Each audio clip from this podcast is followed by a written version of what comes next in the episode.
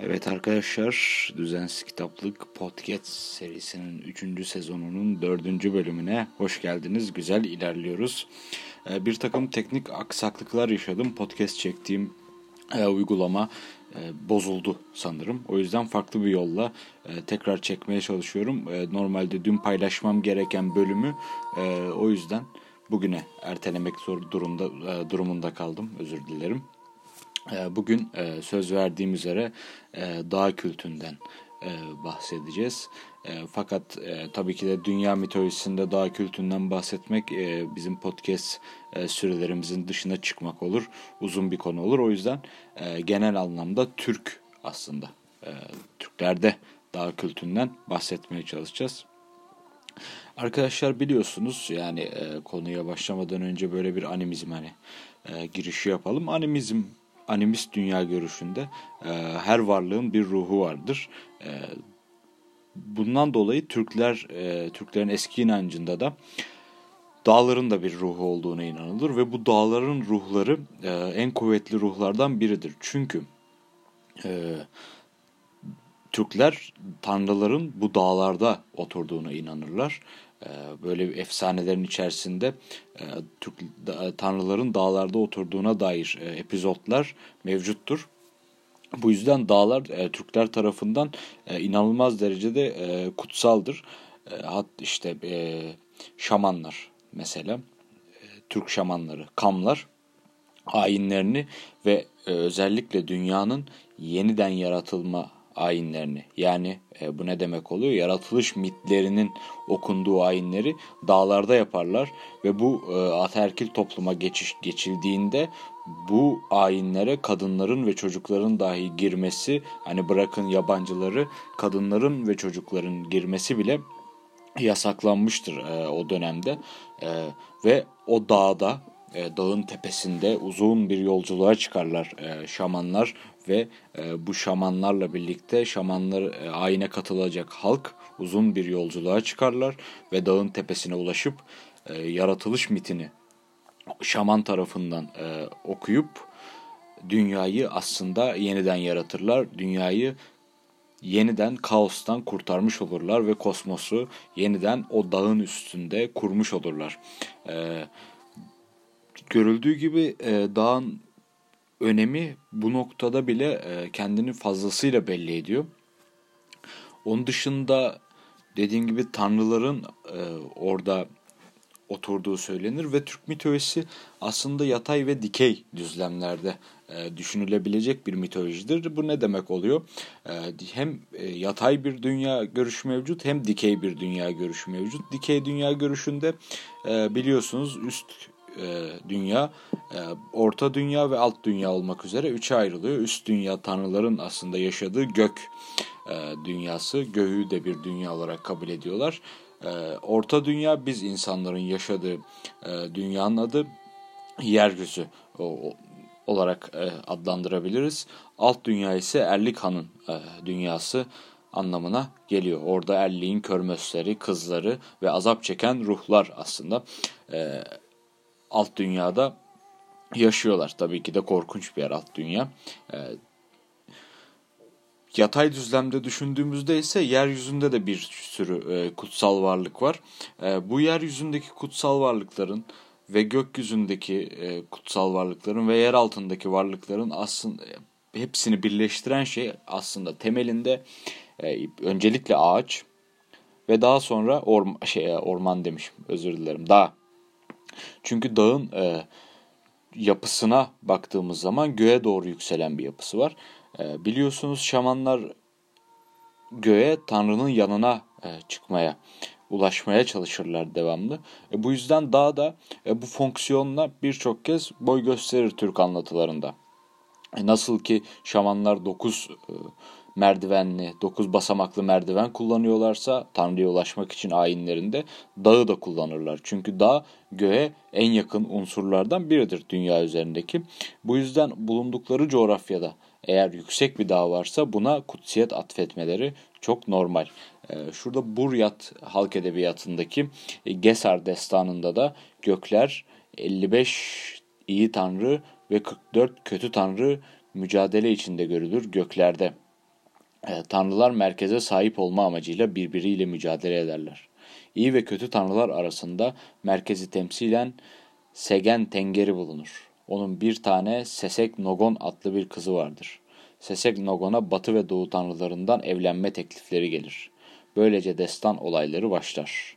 Destan da gökyüzünün yer şekilleri, yeryüzünün kırsal ve dağlık olduğu anlatılır. Göklerin merkezini Sahidak Dağı temsil eder. Görüyorsunuz Sahidak Dağı adlı e, bir dağ göklerin merkezi anlamında kullanılıyor ve Eliade'nin aslında bize aktardığı bir fikir var. Axis Mundi e, fikri dünyanın merkezi oluşu fikri bu her e, yaban toplumda dünyanın bir merkezi olduğuna inanılır ki hatta semavi dinlerde de e, bu dünyanın merkezi hadisesi görülür. Fakat bu konumuzla pek ilgili olmadığı için girmeyeceğim bu konuya. Belki başka bölümlerde e, bu konuya da değiniriz. Bu dağın e, göğe dediğim gibi daha önceden göğe yeryüzündeki en yakın unsurlardan biri olduğu için gök, yer ve yer altını birleştiren dünyanın merkezi olduğuna inanılır. Tabi burada işte ağaçta olabilir bu e, kutup yıldızı da dünyanın e, demir kazık dedikleri dünyanın merkezi olduğuna inanılır. Fakat dağ da e, dünyanın merkezi olarak e, görülebiliyor e, bazı anlatılarda. Ayrıyetten tekrar şamanlığa dönecek olursak e, şamana şamanlık vasfını veren e, kamlara kamlık vasfını veren ruhun dağ ruhu olduğuna inanılır. E, ve şamanlar e, dağda gömülürler. E, bu önemli bir husustur çünkü şamanlar da toplum tarafından kutsal atfedilen insanlardır ve e, dağ tarafından onlara kimi anlatılarda hepsinde olmamakla birlikte kimi anlatılarda bu görev onlara dağ tarafından verilir ve şamanlar dağa gömülürler. Çünkü dağlar anlatmaya çalıştığımız üzere e, inanılmaz derecede kutsallardır. Ve bu e, dağ anlatılarının e, aslında ıdık, yer, su e, ruhlarıyla da bir ilişkisi vardır. Dediğim gibi animizm e, bütün her şeyin bir e, ruhu olduğuna inandığı için ıdık, yer, su ruhlarında da dağlar en kuvvetli ruhlara sahip e, efendime söyleyeyim aklıma getiremedim. Ruhlardır öyle öyle diyelim. Ee, ve Türk yaratılış destanında da mesela e, biliyorsunuz dünya yaratılmamışken Ülgen bir kayanın üstünde oturur. E, bu kaya da aslında dağ olarak düşünülebilir. Orada Tanrı'nın oturduğu, e, Tanrı'nın tahtı olarak düşünülebilir. Yakut Türklerinde de Tanrı bembeyaz ve ap ak bir dağın üzerine oturmuştu. Dağın tam zirvesine kurduğu tahtına ise üç basamaklı gümüş merdivenle çık çıkarmış diye bir anlatı da mevcut. Gördüğünüz gibi Yakutlarda da e, dağın önemine e, parmak basan bir e, anlatı mevcut.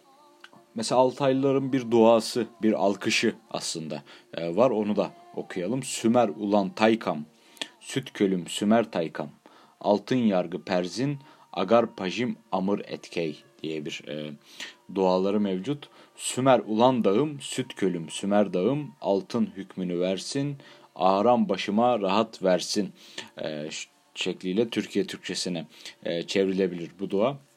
Burada da dağlara aslında yalvarılıyor görüyorsunuz. Dağlara da, dağlardan medet umuluyor.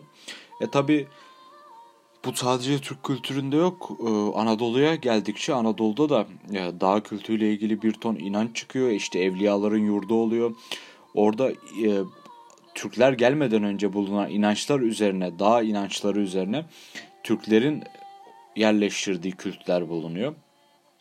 Bunlar da mevcut. Biliyorsunuz Hristiyanlıkta da daha doğrusu İsrailiyat, e, İsrailiyat kaynaklarında da Tur Dağı, Sina Dağı gibi e, dağlar meşhurdur. Müslümanlıkta da biliyorsunuz e, Nur Dağı meşhurdur. Nur Dağı'ndan mesela e, örnekle Türk inancında dağın e, doğurganlık aslında dişillik özelliği de e, görülür.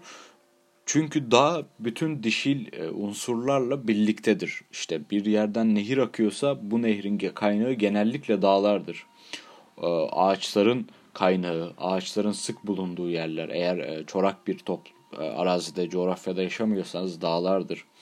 Mağaraların, bu çok önemli. Mağaraların içerisinde bulunduğu unsur yine dağlardır. Biliyorsunuz Devet Dari'nin derlediği Altay yaratılış e, efsanesinde insanlar e, mağaralarda e, oluşmuştur. İlk insan mağarada var olmuştur. Bu yüzden hem hem suyun hem ağacın hem mağaranın dişillik özelliği, doğurganlık aslında bereket özelliği daha yüksektir diğerlerine göre. Bu yüzden dağ bir yeniden doğuşun da sembolüdür.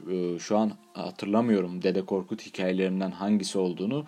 E, olabilir. Yanlış hatırlıyorsam beni düzeltin. Boğaçhan destanında Boğaçan boyunda daha doğrusu e, Boğaçan yaralandıktan sonra onu dağda yaralı bir halde bir su kenarında dağın e, üzerinde bir su kenarında yaralı bir halde yatarken e, bir e, güç tarafından annesi tarafından daha doğrusu iyileştirildiğini görürüz dağda. E, bu dağ motifinin e, eski Türk inancındaki dağ motifinin Dede Korkut boylarındaki iz düşümüdür e, bir noktada. E, yani dağ motifi hakkında söyleyeceklerim e, bu kadar. Birazcık dağınık bir bölüm oldu. E, 11 dakikaya yaklaştık ama. Umarım e, siz de beğenirsiniz. Eklemek istedikleriniz olursa bana Twitter'dan yazabilirsiniz. E, eleştirileriniz olursa bana Twitter'dan yazabilirsiniz. E, yorumlarınız, e, düşüncelerinizi de Twitter'dan gerçekten e, dinlemek isterim. Şimdi dinlenmelerimiz de çok iyi gidiyor. Onu da söylemek istiyorum. O yüzden çok teşekkür ediyorum. Umarım bu bölümünde dinlenmeleri diğerlerinden, diğer bölümlerden daha fazla olur ve dinlenmeler artarak devam eder. Buraya kadar dinlediğiniz için teşekkür ederim. Haftaya görüşmek üzere. Sevgiyle.